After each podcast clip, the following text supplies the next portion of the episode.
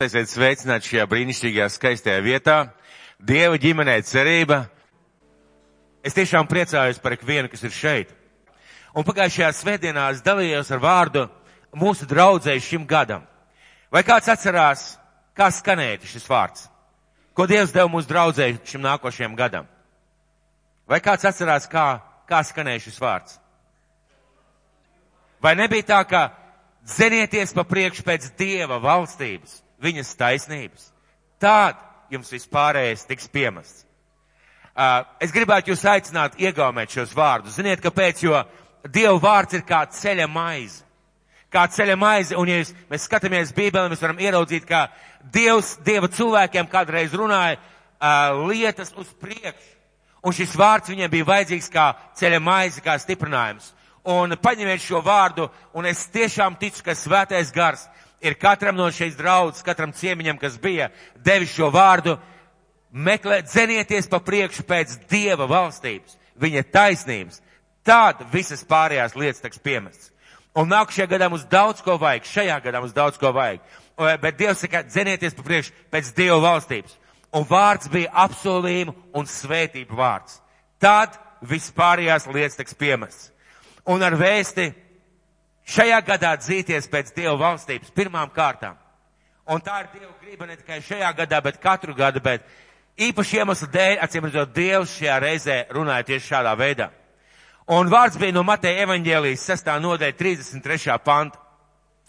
Bet sagatavojiet mūs šim vārdam, tieši šim vārdam, dzinieties pēc Dieva valstības, vēsts pirms tam bija no, ko svētais gars runāja no Jesējas grāmatas. 55. nodaļas, un es gribētu izlasīt. Sākot ar sesto pantu. Meklējiet to kungu, kamēr viņš atrodams. Piesauciet viņu, kamēr viņš ir tuvu. Bezdievis, lai atstāja savu ceļu. Ļaunprātis savas domas un lai atgriežas pie tā kunga, kad tas par viņu apžēlojas. Un pie mūsu dieva, jo viņš ir bagāts žēlastībā. Jo manas domas nav jūsu domas, un jūsu ceļi nav mani ceļi, saka tas kungs. Par cik augstākas debesis ir pār augstāk ir mani ceļi pār jūsu ceļiem un manas domas pār jūsu domām. Un lūk par vārdu, kas izskanēja pēc tam nākušajā dievkalpojumā.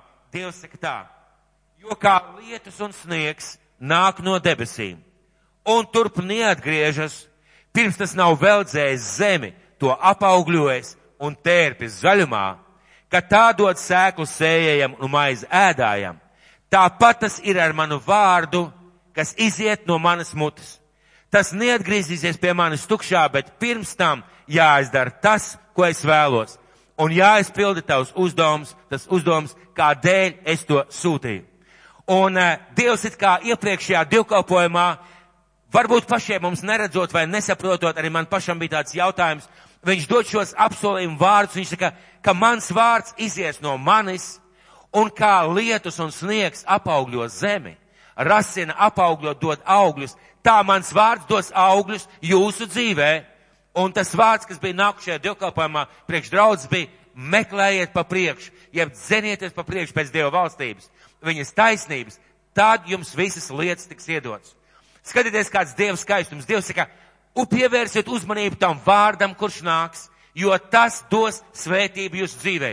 Un vārds nāk, un svētais gars saka, dzenieties pa priekšu pēc Dieva valstības. Tad jums visas lietas taps piemest. Tas nozīmē, ka mums ir šajā gadā jādzinās pēc Dieva valstības. Un svarīgi saprast, ka pats Dievs saka, un viņa vārds visos, mūs, visu mūsos mainīs. Mūs nemaina mācītāja skaļā runa vai klusā runa.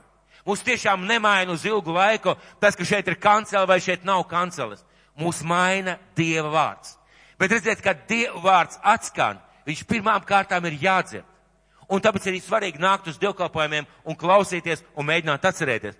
Pirmām kārtām jādzird, jāsaņem šis vārds un jāpiekrīt. Un es varu garantēt, ka šajā zālē ir kādi cilvēki, kurš saka, nu nezinu, vai Dievs tā teica. Ot, nezinu, vai man viņš tieši tā teica. Un nezinu, vai šeit draudzē tā teica. Es īsti neticu, ka mācītājs runā patiesību. Mēs varam izvēlēties. Tātad viņš jānoklausās, jādzird, jāpieņem, jāpiekrīt un jāļauj šim vārdam augt ejot pa, š, pa šo vārdu, līdz tas kļūst par mūsu pārliecību. Līdz, viņš lūdz par mūsu dzīvesveidu, par veidu, kā mēs domājam. Un sakiet man lūdzu, vai kāds varētu pateikt, nē, nē, nē, Jāna, tā nav. Var redzīties pēc Dieva valstības, viss pārējais vienalga tiks piemests. Vai kāds tā varētu pateikt? Manuprāt, tas ir izcils lielisks vārds, kurš pēc tam saka, tād jums visas lietas taps piemests. Un nevis ar tādu, nu es jums tā piemetīšu tā garām ejot, bet ar tādu apsolījumu. Es jums iedošu visu, ko jums vajag. Kāpēc mēs bieži nedzinamies pēc Dieva valstības? Mēs dzinamies pēc tā, ko mums vajag. Un Dievs saka, bet jūs dariet savādāk. Jūs dzinieties par priekšu pēc Dieva valstības, viņas taisnības. Tād jums vispārējās lietas tiks piemests. Un ir svarīgi, lai vārds kļūst par daļu no mūsu dzīves. Kļūst par veidu, kā mēs domājam, kā mēs skatāmies, un tieši Dieva vārds mūs izmaina. Un šis vārds draudzē bija dzenieties pa priekšu pēc Dieva valstības, pēc viņas taisnības, tad vispārējais tiks piemests. Un šodien grib, es gribu dalīties ar vēsti, ko debes tēvs deva kā apstiprinājumu visam iepriekšējiem. Kā brīdinājumu, kā pamudinājumu, kā uzmundrinājumu. Un vārds saucās pazaudētie dārgumi un nepazaudē visdārgāko. Tā arī pierakstiet. Pazaudētie dārgumi un nepazaudē visdārgāko. Man pašam par pārsteigumu tas bija vārds, kurš daudzkārt, daudzkārt, daudzkārt ir dzirdēts. Simtiem reižu, ja tā varētu teikt. Kāda līdzība, ko Jēzus stāstīja. Bet šajā reizē Dievs kaut kā īpaši izgaismoja no iekšpuses.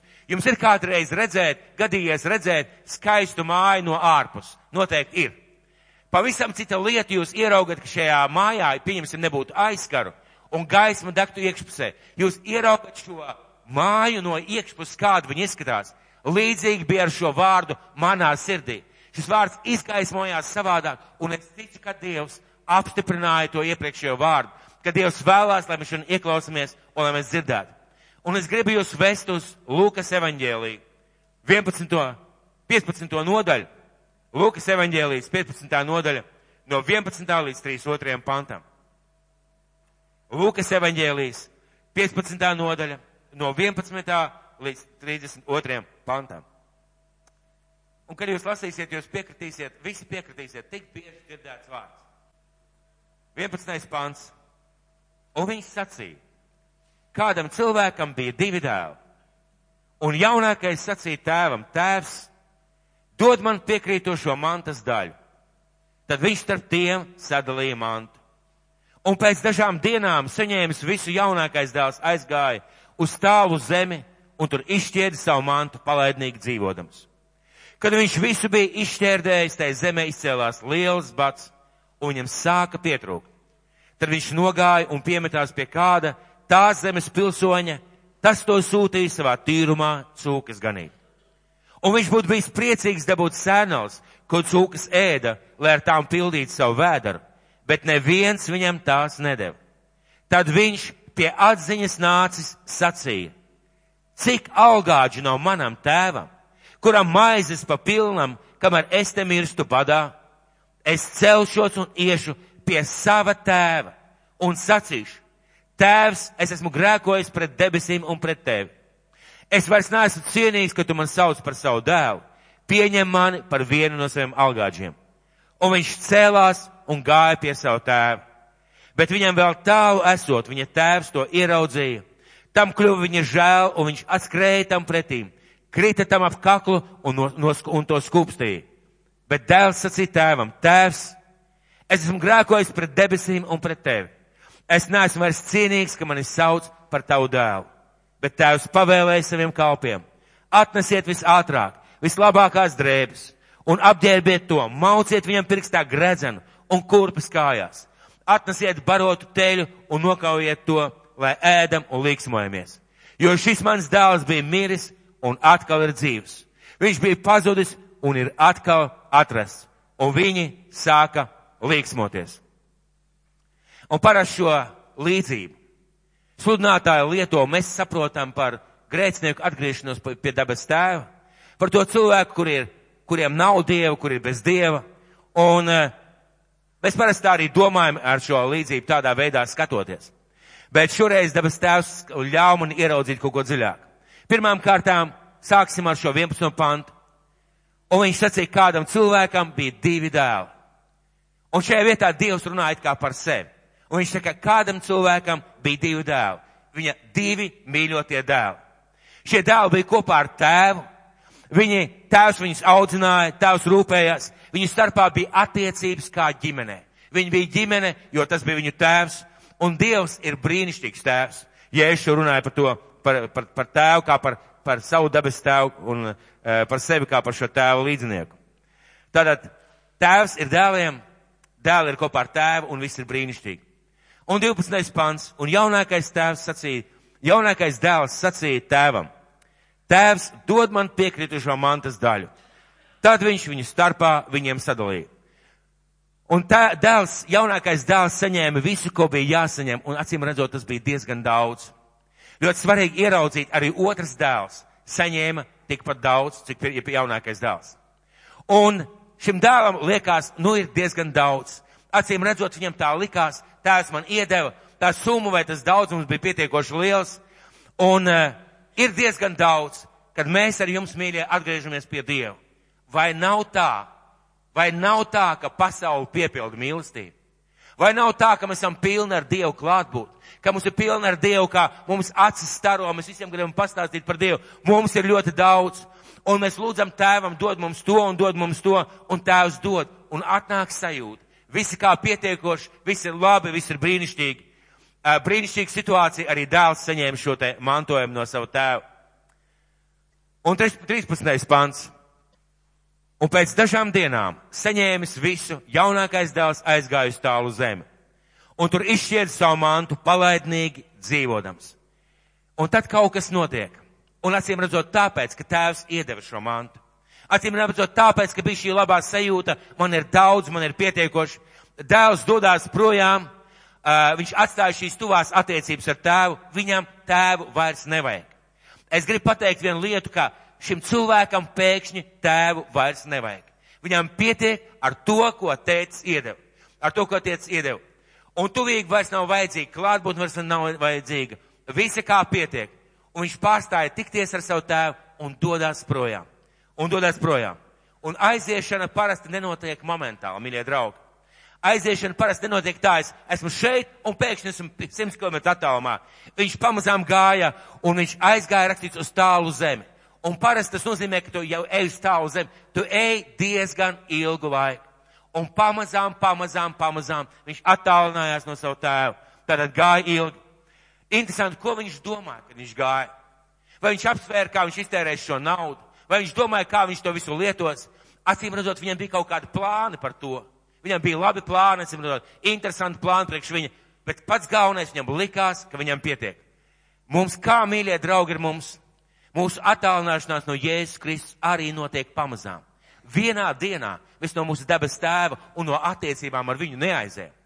Kad ir sajūta, nu jau viss ir kārtībā, es jau esmu ticīgs, es jau nāku uz baznīcu, es jau kaut ko daru, ko vēl man vajadzētu, man tā kā īsti vairs neko nevajag.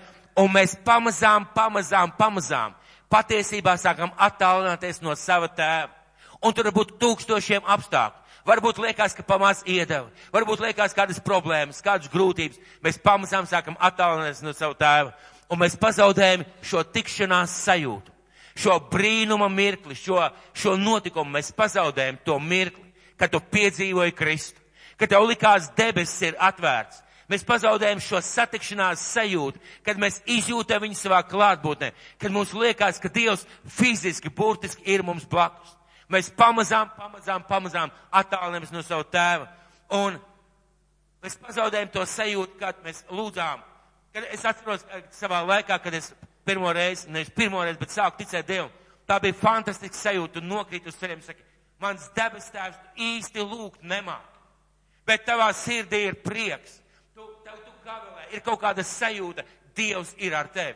Kad tu atver bībeli, tu atver bībeli ar domu, ko Dievs tu man šodien teiks, un ir tāda trīsoņa, ko Dievs tu man teiks, viss ir jauns, viss ir svaigs, un tas ir reālās, dzīvās, patiesās, tuvās attiecībās ar savu dabas tēvu. Un Mēs tieši tāpat kā šis dēls, pamazām, pamazām, pamazām. Jo visi kā pietiek, viss jau ir kārtībā. Es jau esmu atgriezies, mēs pamazām, pamazām varam doties projām. Un ziniet, mīļie draugi, attālums no Dieva nav kilometros. Šeit rakstīts, viņš aizgāja uz tālu zemi. Attālums nebija kilometros. Attālums bija attiecībās.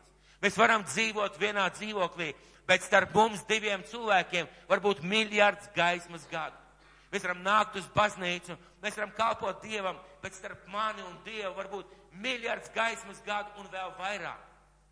Un man nav, var nebūt šīs pilnīgās attiecības, kādas tēvs būtu vēlējies. Un taisni otrādi. Mēs reizē varam dzīvot pilnīgi dažādās valstīs, dažādās pilsētās. Iemīlējušies, iemīlējušies cilvēkiem reizēm tā gadās. No dažādām pilsētām vai pat no dažādām valstīm. Un, ziniet, tas attālums nešķir. Attālums nešķir, šķir attiecības. Un ar mūsu debes tēvu ir tieši tāpat mīļie draugi. Mūsu nešķir no Dieva, tas mēs esam mājās vai baznīcā. Mūsu šķir no Dieva tas attālums, kas izveidojās šeit. Kas izveidojas šeit, acu priekšā, starp mani un manu debesu tēvu. Un Dieva valstība. Dieva valstībā, kas ir svarīgākais? Mēs jau runājām. Dievs pats. Dieva valstībā. Un tāpēc tā ir Dieva valstība. Svarīgākais ir Dievs pats. Viņš kā personība. Un starp to, kas Dievam piedara. Un starp to, kas Dievs ir bezdibens. Jā, Dievs ir žēlsirdīgs Dievs. Dievam piedara žēlastība, mīlestība, svētības. Tas viss Dievam piedara, bet viņš pats tas nav. Viņš ir personība, kuram ir vaigs, kurš vēlās satikties, kurš vēlās runāties, kurš vēlās veidot šīs attiecības. Un tad, kad mēs esam saņēmuši no Dieva rokas, mums reizēm tik ļoti pietiek, tik ļoti pietiek, ka mēs dodamies uz tālu zemi. Mēs dodamies projām, palikdam pat blakus. Un šis dēls devās projām.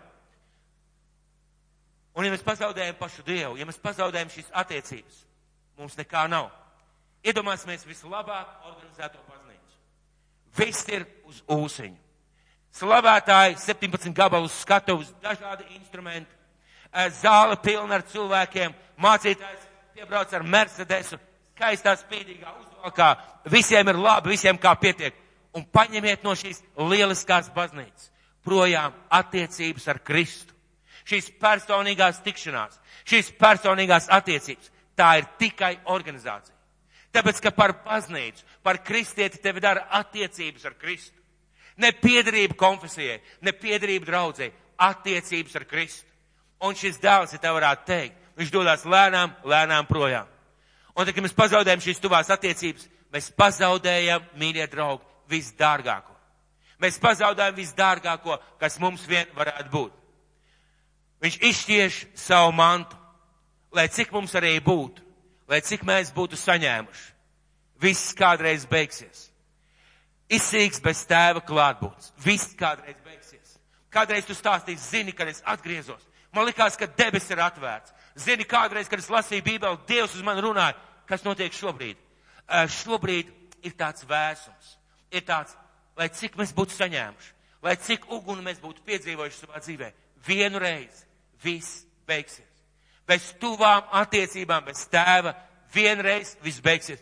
Viņam bija daudz. Tēvs bija pagāts cilvēks. Viņš, eh, tas ir dabas tēvs, viņam bija daudz, viņš saņēma daudz, un viņš pamazām, pamazām visu izšķied un iztērēja. Lai cik mums būtu, mēs vienmēr visu izšķēdēsim. Lai tik dzedzīgi mēs būtu, mēs vienmēr pazaudēsim visu lietas. Un bez reālām dzīvām, attiecībām, bez viņa klātbūtnes, bez tā, ka mēs pavadām laiku kopā ar Dievu viss beigsies. Viss beigsies. No tevis paliks tikai čaula. Vienkārši tikai čaula un čaula, kur varētu varbūt dziedās aleluja slava Dievam. Un tas viss vienkārši nāks tikai no tā, tikai no tā, ka tā ir teikts, ka tā vajadzētu darīt. Kas ir attiecības? Kas ir attiecības? Kristietība ir attiecības ar dabas tēvu. Kristietība nekad nav bijusi reliģija. Kristietība nekad nav bijusi sausa mācība. Kristietība nekad nav bijis darījis tā vai dari tā vai dari tā. Kristietība jau po, kopš paša sākuma, kopš vecās derības ir bijušas attiecības. Dievs slēdz derību, viņš veido attiecības ar Izraēlu tautu. Jēzus Kristus atnāk uz šo pasauli, viņš nomiris par grēkiem, viņš sūta svēto garu, viņš veido un aicina uz attiecībām mūsu ikvienu. Attiecības ir laiks, laiks, kad mēs satiekam Dievu savā lūkšanā istabā, kad mēs lūdzam, kad mēs lasām vārdu, kad mēs satiekamies ar viņu. Nezinu, vai jūs atceraties no Dāvida grāmatas. No Dāvida grāmatas. Kad Dāvid, nevis no Dāvida, bet no Daniela grāmatas, atvainojos, no Daniela grāmatas. Daniels bija viens no veiksmīgākajiem cilvēkiem valstī. un ienaidnieki raka zem viņa. Ienaidnieki cešā centās saprast, kas ir viņa noslēpums, kāpēc viņš zina visas lietas, kāpēc viņš saprot visas lietas, kāpēc ķēniņa labvēlība ir par viņu, kāpēc viņš ir tik spējīgs un tik talantīgs un galmā vienmēr ir intrigs. Un ziniet, ko viņi atrada? Viņi atrada vienu lietu, ne, da, ne Daniela gudrība vai svaidījums vai vēl. Viņi atrada viņa spēks, viņa gudrība, viņa saprašana nāk no viņa lūkšanu istabas. Un tad viņi izdarīja vienīgo, ka pareizo soli, ko varēja izdarīt. Viņa lūdza ķēniņam, ķēniņ aizliedz lūgt jebko no, jebkā cita, izņemot no tevis. Un Daniels pateica, nē, kaut man iemetīs lauvu bedrē, es lūkšu savu Dievu. Ziniet, kāpēc? Viņš nebija gatavs. Viņš nebija gatavs atstāt šīs dzīvās, reālās satikšanās ar savu debesu tēvu. Kad viņš kā miris gulēja, kad eņģeļi viņu runāja. Viņš nebija gatavs to zaudēt un pazaudēt. Un viņš bija gatavs samaksāt ar savu dzīvību par to. Un pierādījās, ka šīs attiecības ir tas, kas visiem bija vajadzīgs. Šīs attiecības bija tas, kuras viņi izved cauri šai lauvu bedrē. Un tieši tāpēc mūsu attiecības nav reliģioza lūkšana vai reliģioza bībeles lasīšana. Laiks, ko mēs pavadām kopā ar Kristu, tā ir reāla, tā var būt reāla dzīves satikšanās ar viņu. Un tad mums ir viss, un tad mums neizsīkst. Un ja mēs aizējam projām no attiecībām, ja vairs nemeklējam Dievu, ja vairs nav laika lasīt un lūgt, mēs paliekam bez viņa klātbūtnes. Mēs varam teikt, Dievs man mīl, un Dievs mīl. Mēs varam redzēt šajā stāstā, ka Dievs mīlēja savu projām aizgājušo dēlu. Bet kā viņa mīlestība viņam palīdzēja? Pilnīgi nekā. Viņa mīlestība vienīgais sargāja viņa dzīvību un runāja uz viņu un vilka viņu atpakaļ. Tātad mēs varam pazaudēt visu, kas mums ir visdārgāko. Bez Dieva klātbūtnes. Pat vislielākie krājumi, vislielākās lietas un svētības izsīks un pārvērtīsies par salmiem. Esmu lasījis kādas pasakas, neatceros, dāldarīts vai kādas citas pasakas latviešu tautas, kur bija tā, ka cilvēkiem bija maisis ar naudu, un ka viņš attaisīja vaļā šo naudas maisu, vajadzēja par kaut ko maksāt, izrādījās vienkārši apses lapas. Lūk, tā mums ir. Mums liekas, mēs esam kopā ar Dievu. Viss ir kārtībā, viss ir labi. Mums nav vairs laika Dievam. Mēs tik ļoti esam norūpējušies par lietām savā dzīvē, par darbu, par finansēm, par ģimeni vispār, jo mums nav vairs laika priekš Kristus. Nav vairs laika kopt, veidot, attīstīt, padziļināt šīs attiecības. Un tad mēs vienu mirkli, mums kaut ko vajag, mēs attaisam šo maisu. Un tur iekšā izrādās apses lapas. Lai cik mums bija, mēs visu varam pazaudēt. Un ziniet, mūs piepilda vai stiprina un iedvesmo nevis reliģija, nevis dievkalpojuma kārtība, bet tikai tad, tikai tad, ja mums ir šīs attiecības. Un attiecībās ar Dievu mums ir gudrība, mums ir miers, mums ir prieks, mums ir spēks, mums ir izdošanās, mums ir dažādas lietas, kas ir vajadzīgas, un mums ir svētības. Kad nu viņš visu bija izšķērdējis, tai zemē izcēlās liels bats, un viņam sāka pietrūkt. Mīļie draugi, mēs, kas šeit sēžam, un arī sev es to saku, ja mēs neatradīsim laiku priekš Dievu katru dienu, ja tā nebūs prioritāte mūsu dzīvē numur viens, mēs vienu dienu visbagātākajā zemē sēdēsim ar tukšiem ratiem. Mēs būsim pie sasistas silas. Viss būs iztērēts un viss būs izšķērdēts. Un tālāk 15. pants. Tad viņš nogāja un piemetās pie, pie, klā, pie kāda tā zemes pilsoņa un tas to sūtīja savā tīrumā cūkas ganīt. Un viņš būtu bijis priecīgs dabūt sēnās, ko cūkas ēd, lai ar tām pildītu savu vēderu, bet neviens viņam tās nedeva. Šis cilvēks strādāja. Šis cilvēks strādāja, bet kādi bija augi? Gribējās augus noteikti pareizi. Gribējās paēst, gribējās apģērties, gribējās varbūt kaut ko vairāk, bet kādi bija augi? Viņš strādāja, bet augļi nebija nekādi. Vai jums ir bijusi, ka viņam bija pastāvīga bada sajūta? Vai jums ir bijis kādreiz tāda sajūta, ka jūs darbojaties, ņematies, rīkojaties, darat kaut ko, bet vienmēr par īsu, vienmēr nesanāk, vienmēr kaut kā ne tā, vienmēr kaut kā un nav šīs gandrījuma sajūtas. Šis cilvēks strādāja, viņš kalpoja, viņš domāja, ka tādā veidā viņš nopelnīs un mīļie draugi, bez šīm attiecībām ar Kristu. Mēs strādājam, mēs darbojamies, mēs ņemamies, mums vienmēr pietrūks, mēs zūdamies, mēs bēdājamies, mēs vainojam Dievu, vainojam sevi, vainojam cilvēkus, vainojam darba vietas. Bet vienīgais iemesls, Vienīgais iemesls, kāpēc mēs cilvēki nevaram dzīvot ar to, ka mums pietiek, ja mums nav laika priekš Kristus. Ja viss pārējais ir piepildījis mūsu dzīvi tā, ka mums pilnībā neatiek laika satikties ar viņu. Un viņam tā bija. Viņš strādāja. Viņš skatījās uz cūku sili, un viņš nevarēja pat no silas paēst.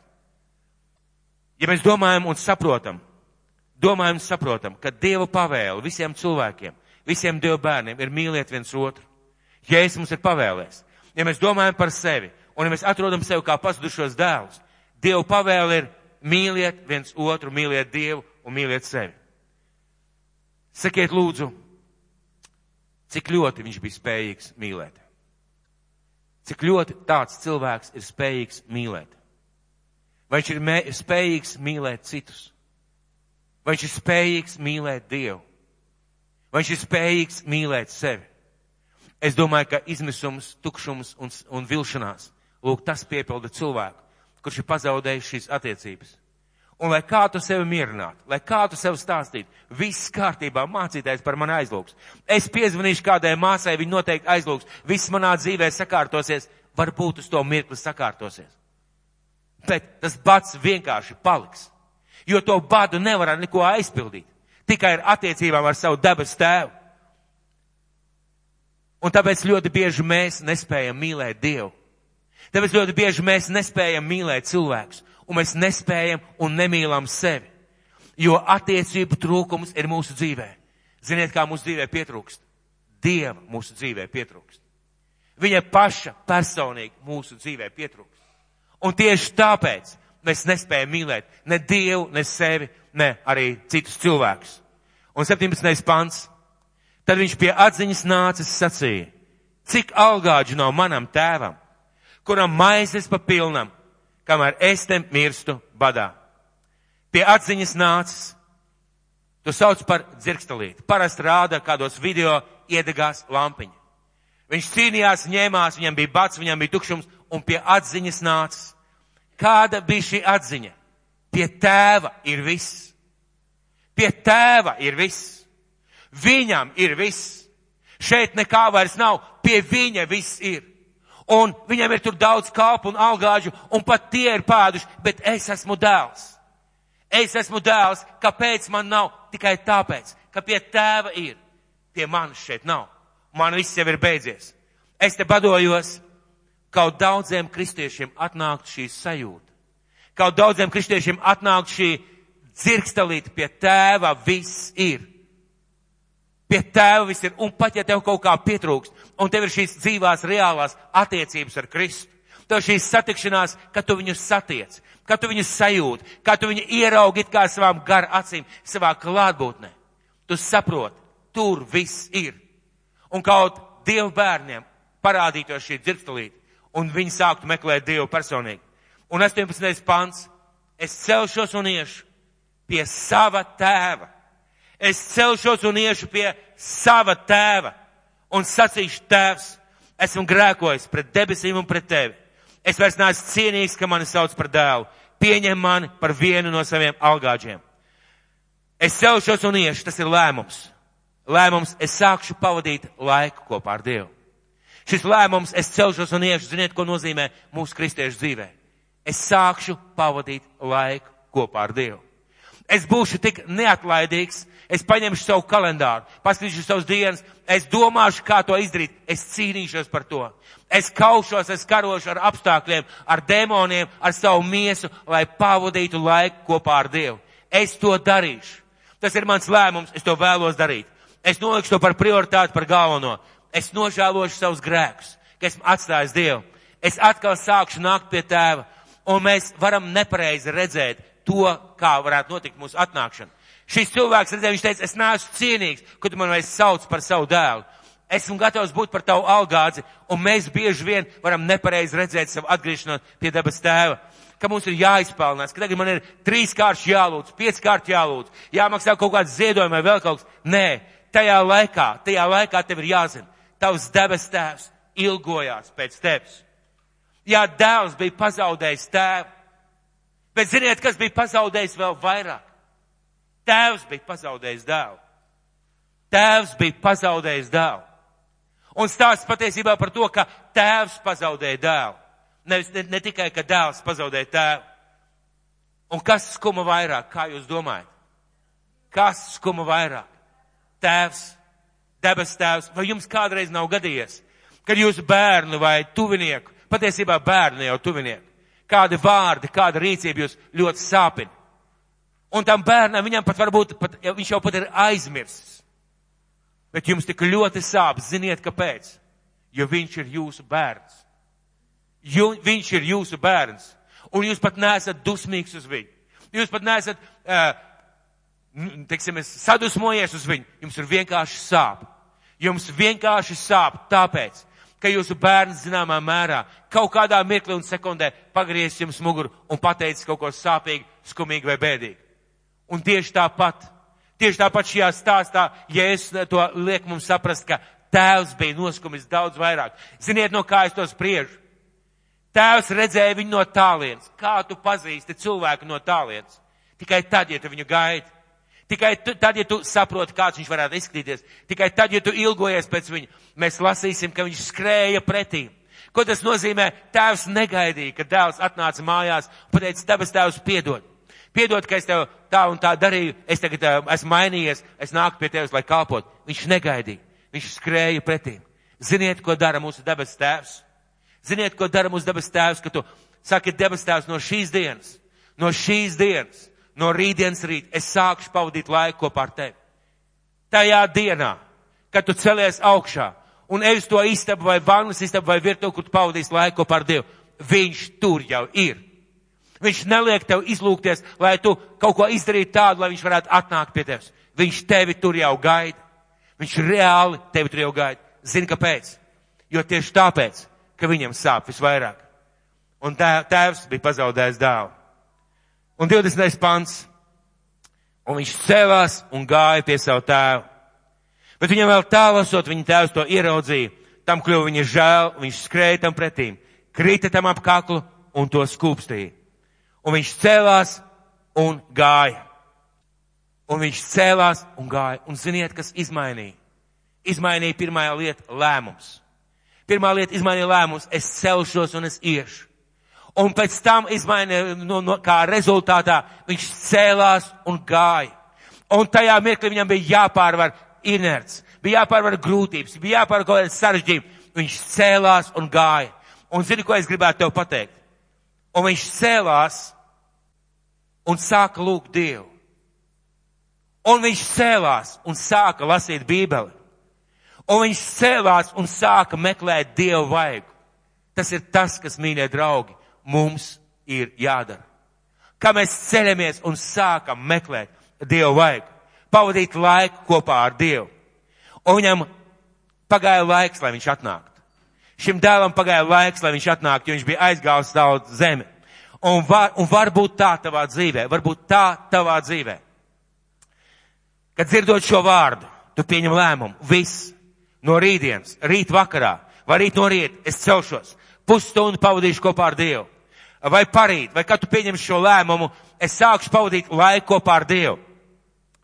Un iespējams, ka tev būs tāda situācija, ka tu sāc lasīt bībeli un bībeli neuzrunā. Sāc lūgt un vārdu nav. Sāc kaut ko darīt, sāc meklēt Dievu un nekā nav. Bet tā var gadīties. Bet zini, ko es tev gribu pateikt? Kad viņš dēls gāja atpakaļ, pagāja laiks. Mīļie, pagāja laiks, pirms viņš satika tēvu. Tēvs viņu gaidīja, bet viņam vajadzēja kādu gabalu noiet, un tieši tāpat mūsu dzīvē ļoti iespējams kāds gabals būs jānoiet, lai mēs pēkšņi atkal sajust, sajust to sajūtu, tēvs ir kopā ar mani. Var paiet laiks, un tu nedrīksti padoties, kāpēc, jo tu jau esi procesā, tu jau esi ceļā, un Dievs tev palīdzēs. Svētais gars tev palīdzēs, mums ir jāzina, ka var paiet laiks, lai Dievs svētī, ka kādam nepaiet laiks. Lai Dievs svētī, ka viņš iet lūkšana istabā pēc trīs gadu nelūkšanas, un viņš saka, dabas tēvs, un Dieva godība bāts nonāk šajā vietā. Lai tā būtu, lai Dievs svētī, lai tā notiek jūsu dzīvē. Bet bieži tā nenotiek. Un cilvēks saka, es atnācu atpakaļ pie Dieva. Es sāku lasīt, es sāku lūgt. Bībeli man neuzrunā, man nāk miegs. Es sāku lūgt, man nav ko teikt Dievam. Vārdi tādi reliģiozi, tukši sausi. Dari to, lauzies cauri šim pagāmam, lauzies uz svēto vietu. Tev paies, iespējams paies kāds laiks, kamēr tu nonāksi tajā vietā, kur tēvs var tevi jau satikt. Bet Dievs būs jau tur. Dievs būs jau tur. Bet ļoti iespējams, ka tev vajadzēs kādu laiku. Un viņš cēlās un gāja pie savu tēvu, bet viņam vēl tālu esot, viņa tēvs to ieraudzīja. Tam kļuva viņa žēl un viņš skrēja tam pretīm. Krita tam ap kaklu un to skūpstīja. Kāpēc tēvs skrēja pretīm? Ļoti iespējams tieši tāpēc, ka pēdējie metri visgrūtākie. Ļoti iespējams tieši tāpēc, ka pēdējie metri ir visgrūtākie. Jums nav tā kādreiz gadījies, jūs pieņemam lēmumu. Es piezvanīšu tam cilvēkam un atvainošos. Vai es satikšu viņu, parunāšu, palūkšu piedošanu. Un iesākumā ir tāds skaists lēmums, un jūs jūties garīgi paclāts, jā, pareizi. Debes tēvs man uz to aicina. Un jo tuvāk jūs šim cilvēkam, jo tuvāk pie tā telefona aparāta, jo grūtāk piezvanīt. Jo vairāk gribās atlikt malā, varbūt vēlāk, varbūt citu reizi, varbūt kādā citā reizē, jo vienkāršāk atlikt. Un tieši tāpēc debes tēvs skrēja viņam pretīm. Un mums, un mums ir jāzina, ka tēvs viņu gaidīja, un arī tevi gaida tēvs. 21. pants. Bet dēls tam sacīja, tēvs, esmu grēkojis pret debesīm un pret tevi. Es neesmu vairs cienīgs, ka mani sauc par tavu dēlu. Un oriģinālā rakstīts, ka viņš pirms tam bija nolēmis, ka viņš teiks, pieņem man par algāts. Un šeit notiek kaut kas pārsteidzošs. Viņš saka, tēvs, es neesmu cienīgs pret tevi, pret, esmu grēkojis pret tevi un debesīm. Es neesmu vairs cienīgs, ka mani sauc par tavu dēlu. Un tajā mirklī tēvs viņu pārtrauc. Viņš bija izdomājis tekstu, ko pateikt. Viņš bija izdomājis tādu uh, runājumu, ko pateikt, lai izlūgtos tēva labvēlību. Un šajā mirklī tēvs viņu pārtrauc. Šo pēdējo frāzi pieņem man par savu algāts, viņš tā arī nepasaka. Ziniet, kāpēc? Jo tēvs pavēlēja saviem kalpiem, atnesiet ātri visalbākās drēbes, apģērbiet to, mauciet viņam pirkstā gredzenu un kurpes kājās, atnesiet barotu teļu un nokaujiet to, lai ēdam un līksmojamies. Jo šis mans dēls bija miris un atkal dzīvs. Viņš bija pazudis un atkal ir atrasts. Un viņi sāka līksmoties. Tēvs viņu pārtrauc pusvārdā. Tēvs, parasti mēs šeit, šajā vietā runājam par to, ka tēvs piedeva. Bet šajā mirklī tēvs atguva dēlu. Un tā ir milzīga starpība. Piedot kādam cilvēkam vai atgūt dēlu. Tā ir milzīga starpība.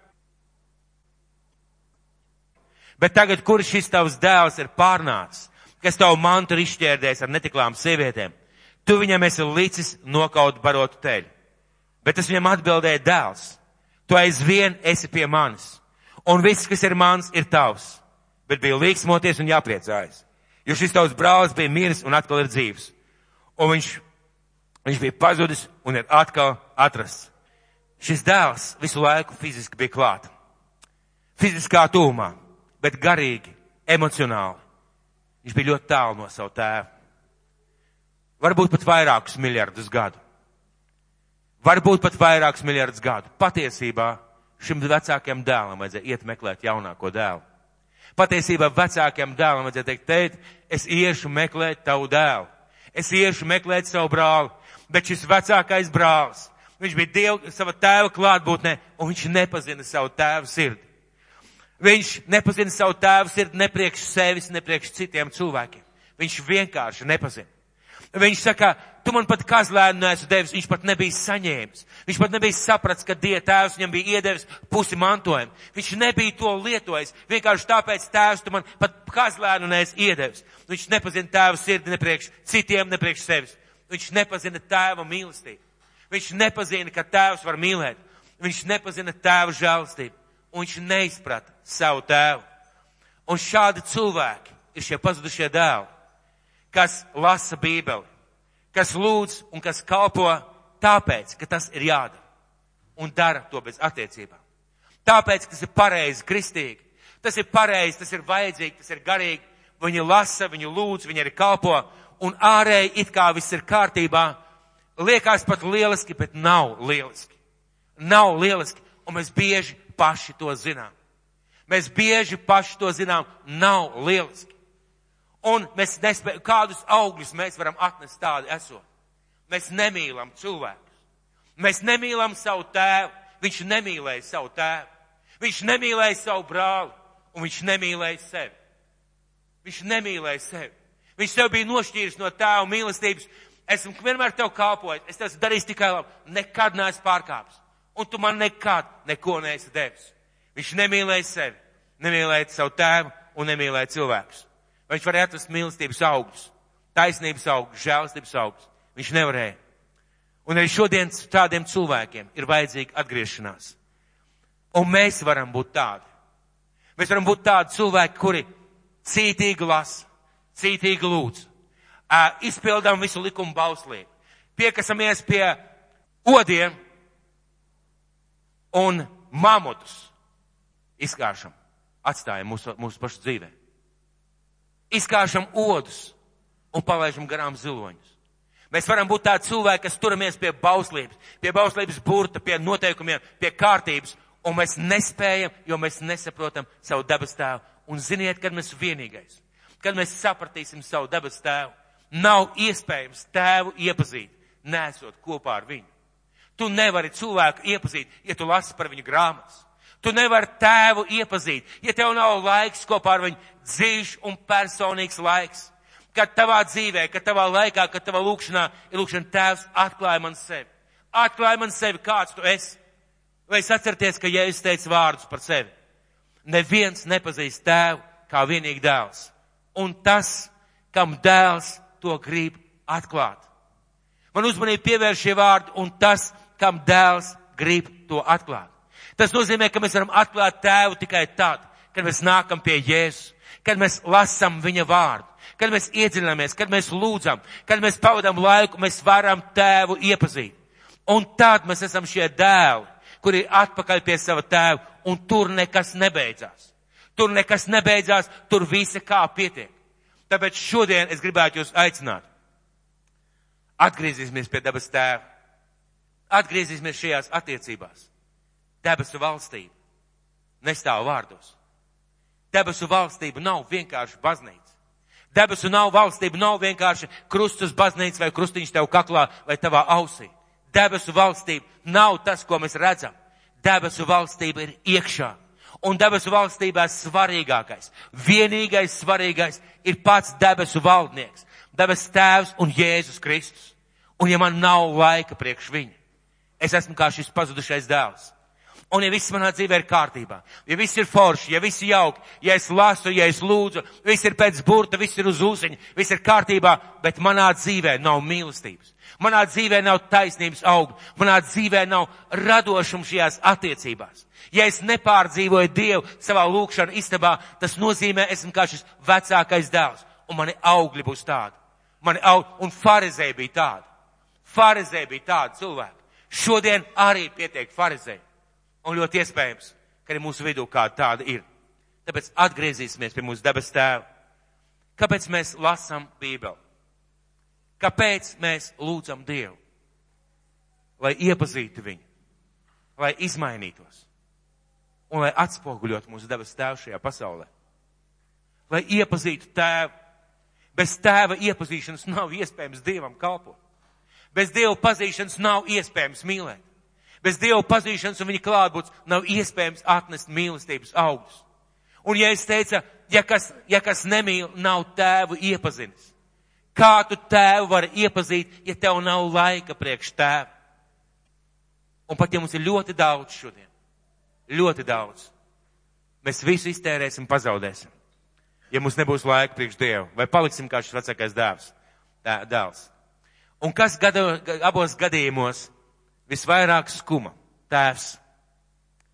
Un arī šodien, arī šodien, kas visvairāk skumst par viņa bērniem? Tēvs. Tēvs skumst. Tēvs skumst, ka tu piecelies aizskrien uz darbu, ka tu piecelies un aizskrien savās darīšanās, ka tev nav laika priekš viņa. Tavs tēvs visvairāk skumst, jo viņš visvairāk gaida, mīl tevi pie sevis. Bet mums ir apsolījums, mīļie draugi. Mums ir apsolījums. Un apsolījums skan sekojoši. Meklējiet manu vaigu. Meklējiet manu vaigu. Un ja jūs no visas sirds mani meklēsiet, jūs mani arī atradīsiet. Ja jūs no visas sirds mani meklēsiet, jūs mani arī atradīsiet. Es sāku šajā dienā dievkalpojumu ar vārdiem, manas sirds turas pie tava vārda, meklējiet man vajag. Un tad ir tik svarīgi pateikt, es meklēšu, kungs, tavu vajag. Tas būs mans dzīves centrs. Mana vērtība, mana dzīve, mani darbi nebalstīsies uz to, kas ir apkārt un ko saka pasauli un cilvēki. Mana dzīve jābalstās ir. Es meklēšu tavu vajag. Un tas ir neizsīkstošs avots. Un eh, šajā gadā garīgā prioritāte viennozīmīgi un absolūti, tai vajadzētu būt vienmēr. Bet es kāpēc Dievs kaut kā īpaši šajā gadā to pacēla? Meklējiet Dieva valstību. Cenieties pa priekšu pēc Dieva valstības. Visas pārējās lietas jums tiks piemestas. Tad visas pārējās lietas tika piemestas. Es iedomājos šo dēlu. Pēc cūku silas, pēc tā, ko viņš pārdzīvoja, viņš aizgāja šajā pilnībā, viņam visa kā bija gan. Un viens iemesls, viņš bija atpakaļ pie sava tēva. Un es gribētu tevi pamudināt un paskubināt, meklēt Dievu šajā gadā. Meklē šīs attiecības, velti laiku attiecībām. Dzenies pēc Dieva valstības savos darbos, savos vārdos, savā rīcībā. Staigā Dievu priekšā. Un tu redzēsi, ka tad visas pārējās lietas taps piemestas. Lai Dievs jūs svētī!